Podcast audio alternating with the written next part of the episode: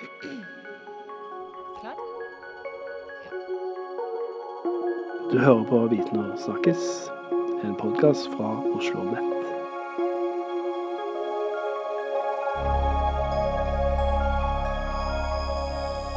Velkommen til en ny episode av podkasten Viten og snakkes. Jeg heter Jeff Lugau og er programverten for dagens episode.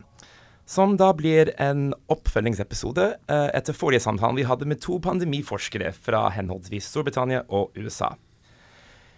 Today's episode will be in English because one of our guests in the studio today is another international uh, expert on pandemics. So, with that, I want to welcome our two guests. Uh, our first guest is Lisa Sattenspiel. Lisa, welcome. Thank you. Great to have you here. Uh, and uh, beside you, we have Svenn-Erik Mamelund. Hi, Svenn-Erik. Hey, how are you? I'm just fine. I'm happy to have you both here today. Uh, Lisa, you are uh, currently in Oslo, um, co uh, co managing a project with Svenn-Erik, uh, and I'm going to ask you guys to tell us more about that project in just a bit. But uh, Lisa, where is it that you're based uh, in your in your normal life when you're not here in Oslo? So, in my normal life, I am a professor of anthropology at the University of Missouri in the United States, right in the middle of the country, in the middle of the state. So you're an anthropologist who uh, studies pandemics. tell me about that.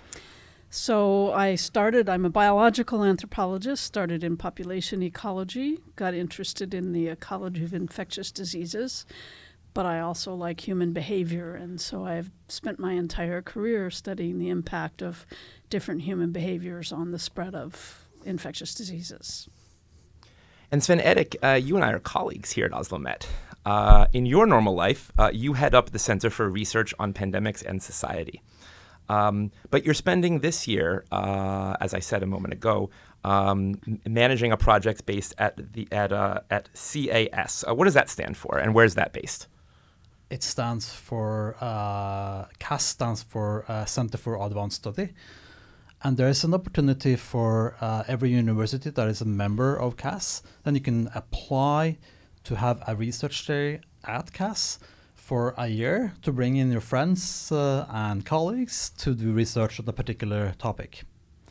And so, two and a half years ago, we submitted an application to study uh, indigenous peoples and pandemics and got lucky, came to the second stage, came to the second round, uh, and won a stay at CAS. So, we started this fall uh, in mid August.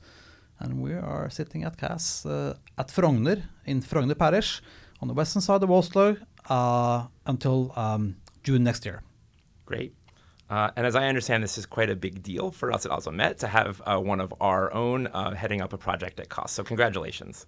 Thank you so much. It's uh, it's awesome because we actually got it at first attempt, so that it's a big deal. That doesn't happen all the time, I assure you. So Lisa, as you just told us, is uh, is an anthropologist, a biological anthropologist. Um, Svenn-Erik, what's your academic background? I'm a demographer of training, and I've done research on historical uh, influenza pandemics in particular in the past. Before we turn to uh, the project the two of you um, are, are, heading up, uh, and um, and then talk a bit about um, another pandemic, one that's been on all of our minds um, the last couple years, the COVID nineteen pandemic. Um, I wanted to get your reactions to um, to the keynote talks that, that our that our guests in the uh, in the previous episode of our podcast, John and Jeff, gave. you were both uh, not only were you on hand for for their talks, as I understand, both of you played a major role in getting them to come to Oslo and give this talk, right? Um, can you tell? Can you? Can I'd like to hear from both of you. But what were your main takeaways from their from their lectures? And is there anything that surprised you or even inspired you about their talks? I can start with you, Lisa, maybe.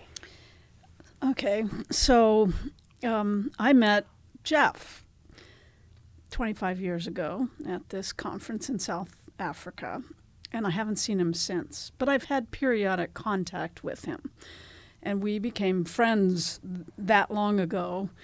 Um, he's a lab based virologist. I don't do lab work. I decided when I was a graduate student I didn't want to do lab work.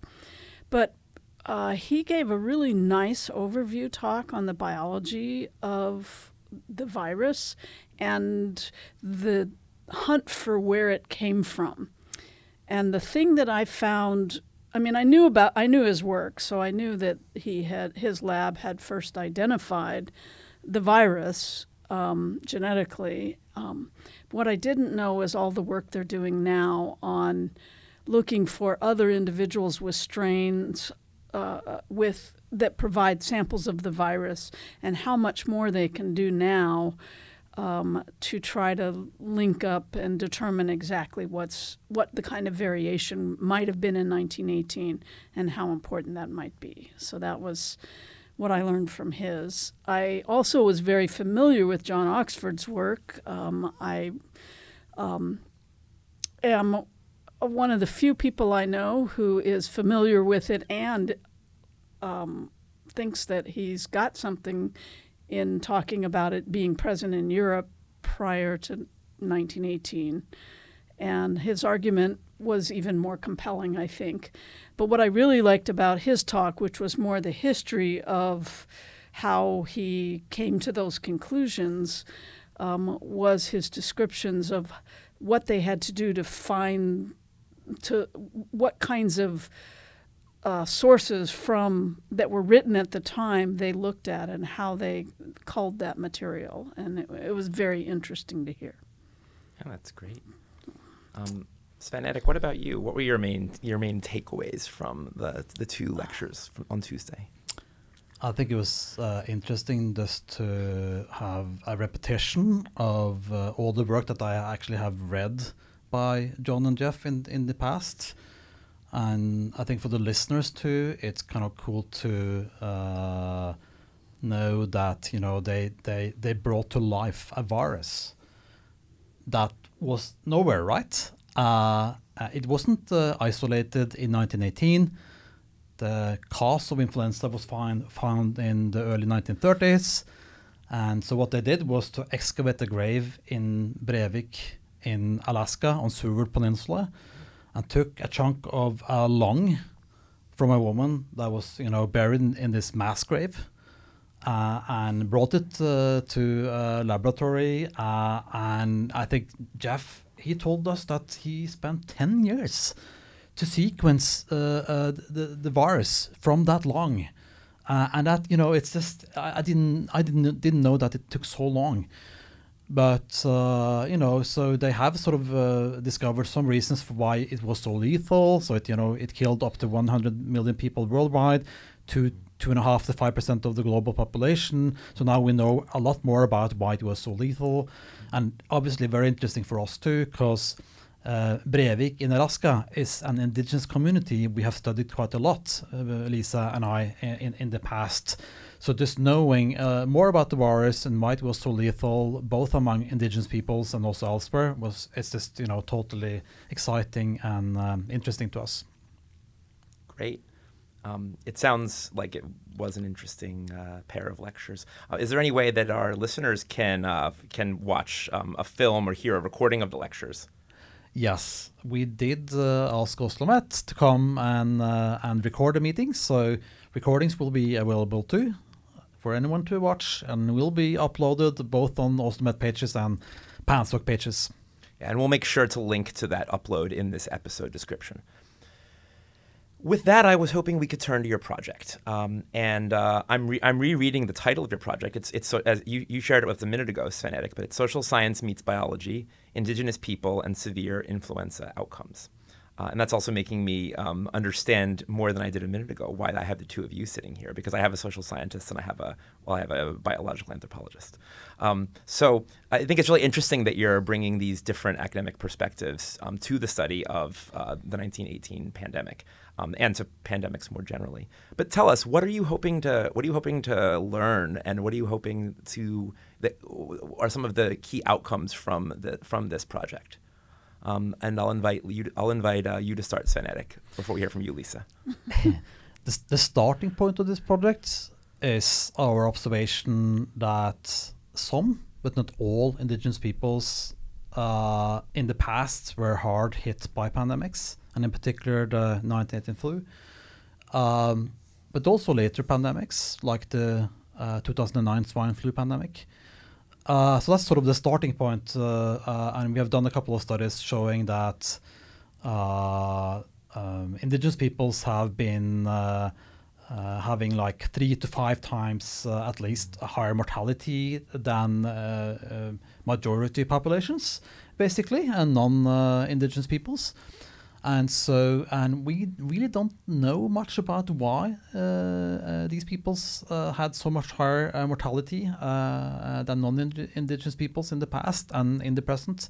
So we like to learn more about it, and we are, are, looking at social factors, about historical factors, contextual factors, discrimination, colonization, uh, and also sort of uh, more biological sides of the of understanding why uh, it you know uh, why indigenous peoples have paid so so high toll uh, from pandemics in terms of mortality. So it could be immun immunological factors as well. And so people in our projects are immunologists and are, are also sort of bringing understanding from the side of immunology to understand uh, why these communities have been so hard affected in the past and also in the present.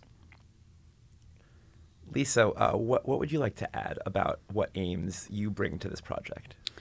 And, and I guess your own background that, that, that informs your work on it as part of this project. Yeah, so uh, the study of indigenous peoples all over the world is central to anthropology. That's what anthropologists do.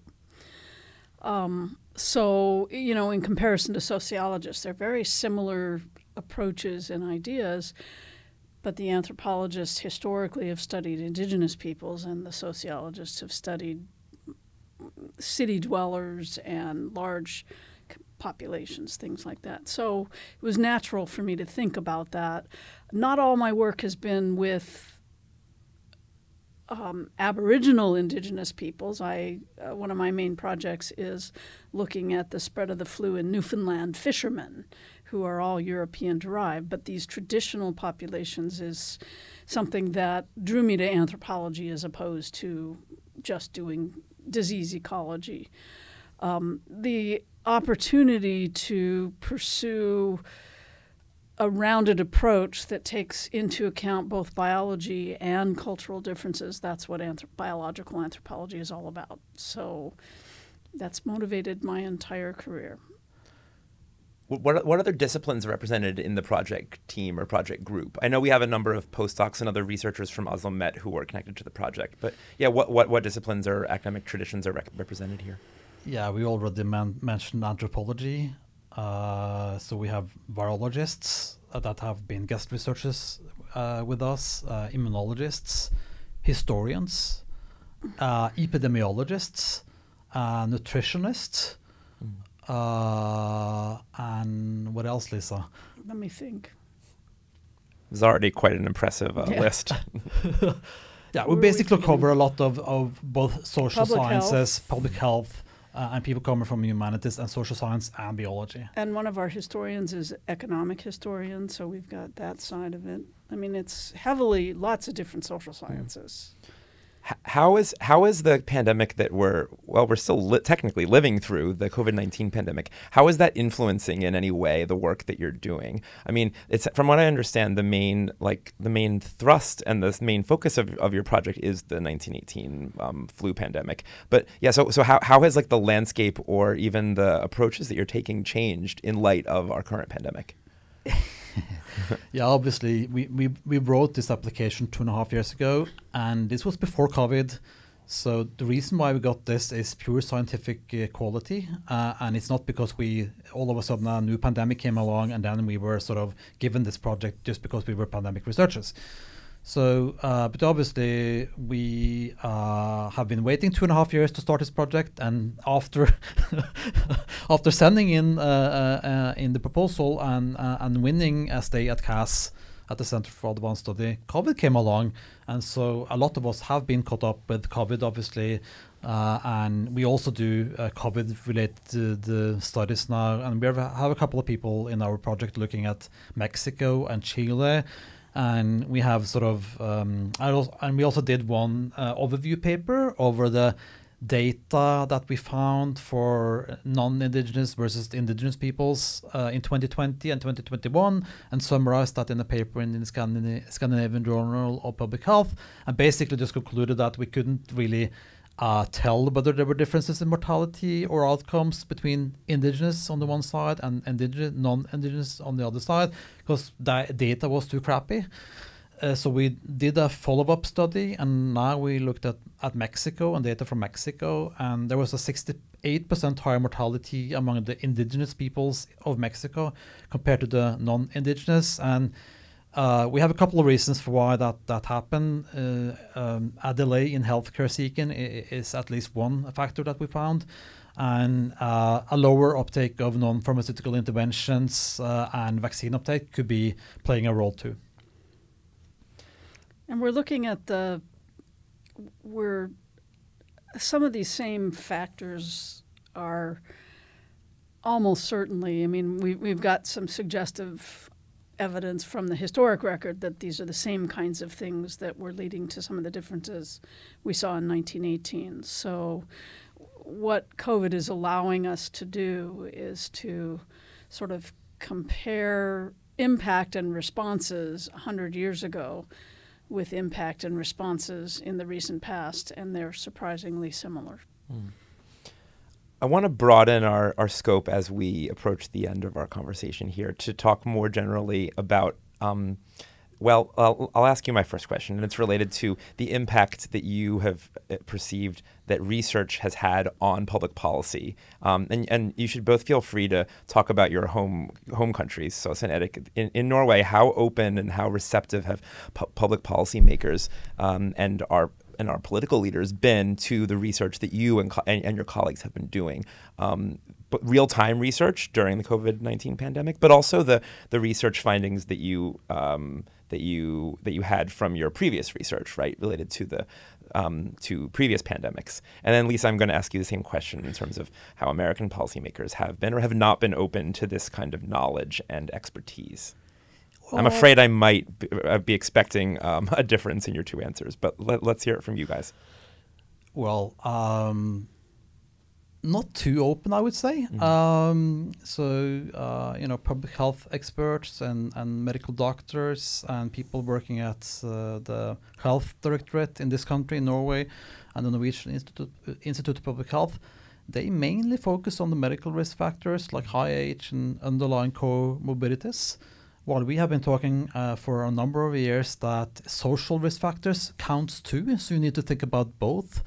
And in, in this country, you, I, I, bet that all of the listeners remember that we started to sort of distribute vaccines that were scarce, you know, uh, initially, uh, according to one key only, and that was um, the share of people above the age of 65 living in different municipalities and that's fine. Uh, uh, but that's capturing what I just said. You know that biomedical uh, lens, so to speak. And you look at high age, and uh, and uh, people of higher ages also have more of those uh, underlying diseases, right? But I suggested in in a, in a number of opinion pieces and, and and try to sort of reach out to all of the policymakers also that you should use two keys, not only uh, share of, of, of people uh, in a municipality above the age of 65, but also include a living condition index. Because if you did, you would sort of distribute vaccines using two keys, thinking about both biological and social vulnerabilities. Uh, what did we have any change in Norway in terms of um, uh, whether uh, vaccine distribution, to use that example, um, did take into account um, social social living conditions and social factors? Yes, the, indirectly. So you uh, uh, again, uh, we did in Norway this so-called mild skewed distribution according to the so-called infection press pressure. So some some parishes of Oslo, for example, got a little more vaccines earlier on than other municipalities, and that indirectly also captures social vulnerabilities on the east side of Oslo.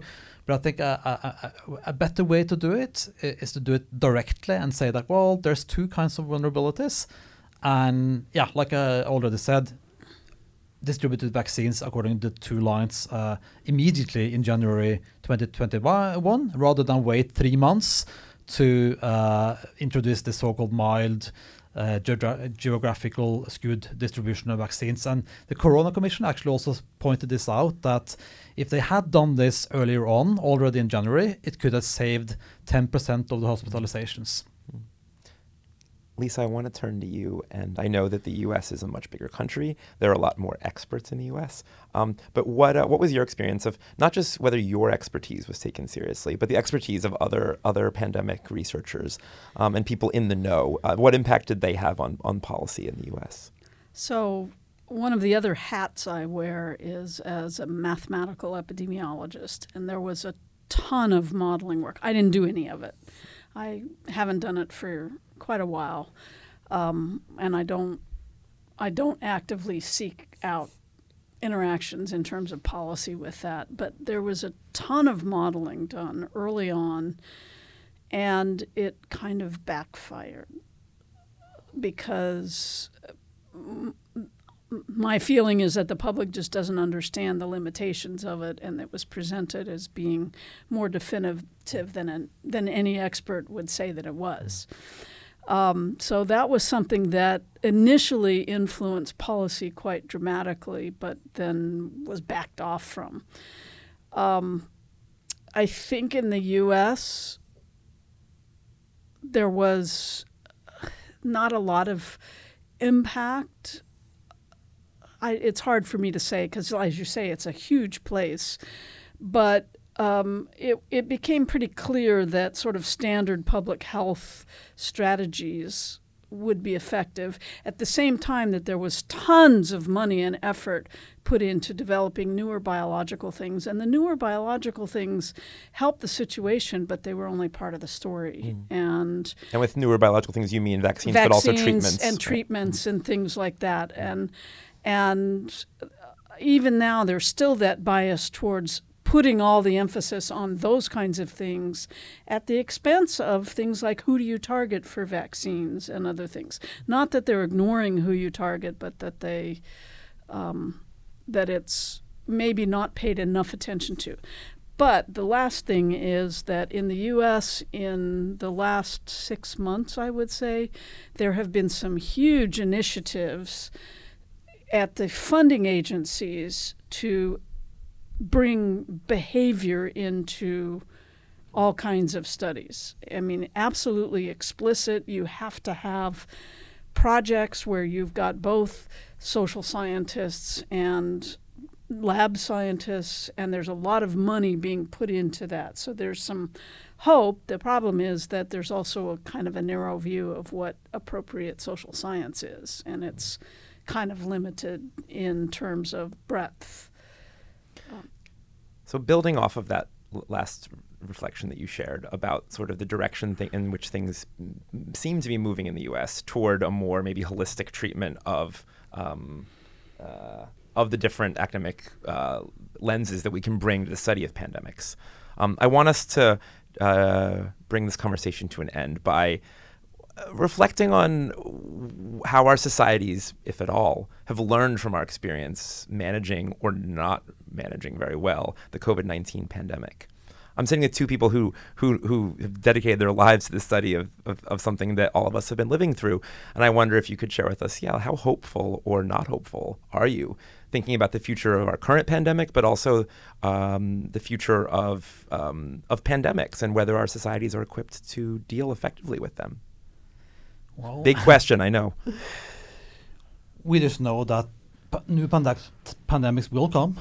Uh, we will. Uh, we don't know when. we don't know uh, what virus types and so on that will come. Uh, but things are changing, like Lisa said. I'm hopeful also for uh, the case of Norway and, and Europe. Actually, this this this May, Jessica Dimka, who, who's a postdoc at PANSOC, and I was invited to ECDC, the European Center for Disease Control in Stockholm, and this was the first time they actually invited social scientists and people coming from humanities to talk about non-pharmaceutical inventions and so on. And in the past, they only Im- invited epidemiologists and people coming from the hard sciences. So things are changing, and we also did a, Ber- a conference in Bergen uh, a couple of weeks ago when we uh, spoke about how to sort of take social inequalities into account uh, when we have the next pandemic. So I'm a little uh, positive about uh, things uh, going to improve next time, uh, but I'm also afraid that pandemic memory will be lost, and that if we have a, a, a you know um, in 2009 it was 40 years since we had the last pandemic. And so uh, thinking about now, we, we don't know when the next pandemic is coming. So pandemic memory is just crucial to, to keep up now uh, in the coming years. And so, yeah, who knows how to sort of keep that up? None of us want to keep it up. We want to move on and forget about it. But it's one of those things that I think, to me, what the present pandemic showed us is how much we don't understand. And I hope that we still have the, the, the memory to push towards understanding better those things like the, the importance of social behaviors and social inequalities in determining outcomes that we we keep putting effort towards pursuing those and not abandon that in favor of the technological things that are only part of the story. I feel more optimistic than I imagined I might after asking you guys this question. Uh, and uh, with that, I want to thank you both for joining us today. Uh, Lisa Sattenspiel, thank you for coming and good luck with your ongoing project. Thanks. And Svenn-Erik, good to have you back in the studio uh, and keep up the good work. Thank you so much. And to you listening, uh, thanks for joining us for a two-part series about uh, about pandemics. Uh, I hope you learned as much as uh, the man asking the questions did. Uh, and thanks for tuning in.